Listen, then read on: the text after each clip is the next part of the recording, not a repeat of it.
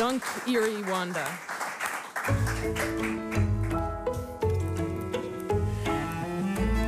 De column van Micha Wertheim.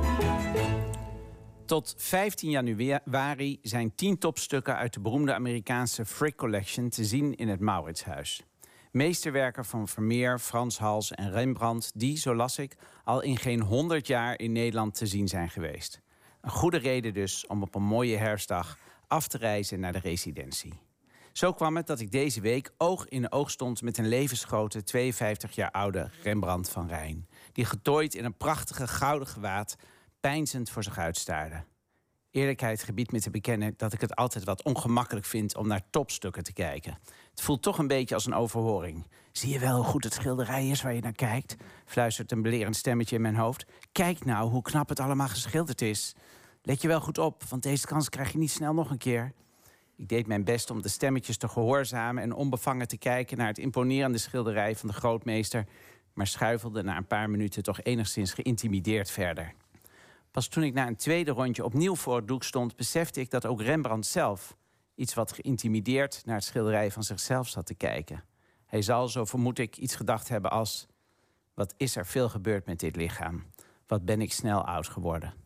Maar ook: Wat kan licht toch mooi vallen?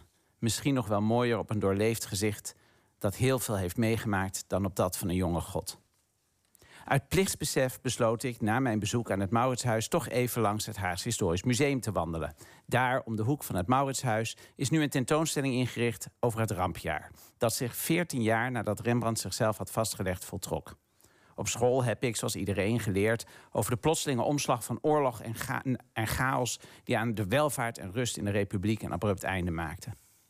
Ergens hoopte ik dat de tentoonstellingmakers tussen alle vreedheid en ellende uit het verleden ook iets hadden gevonden om een beetje moed te putten. Dat het rampjaar ons land iets geleerd had over de manier waarop we samen. Dat viel dus tegen. Op het schilderij De lijken van de gebroeders de Wit zag ik hoe de levensloze lichamen van de raadspensionaris en zijn broer als karkassen bij de slager ondersteboven aan de gal gingen. Een gruwelijke illustratie van hoe snel de welvaart en beschaving, waar Rembrandt een product van was, plaats had gemaakt voor barbarij.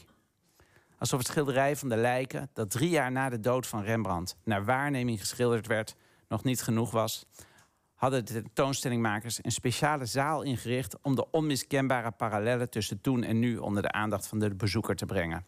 Ook nu, zo werd overtuigend betoogd, zijn alle ingrediënten aanwezig om ons land in een soortgelijke chaos te storten. 350 jaar geleden waren het anonieme opruimende pamfletten die het ontevreden volk aanzetten tot het lynchen van de gebroeders de Wit. Nu konden we in de vitrine zien hoe Twitter-trollen en nepnieuws helpen om in tijden van tegenspoed de groeiende onvrede onder de bevolking steeds verder op te stoken. Terug buiten op de stoep van het Historisch Museum werd ik getroffen door hoe mooi en vredig de Hofvijver erbij lag. Op steenworp afstand van de plek waar de gebroeders de Wit door een woedende menigte om het leven werden gebracht, waar ook nu steeds vaker woede en wanhoop de boventoon voeren, streek een milde oktoberzon haar zachte warme gloed over het kalme water. Wat kan licht toch mooi vallen? Misschien nog wel het mooist op een doorleefd uitzicht dat veel heeft meegemaakt.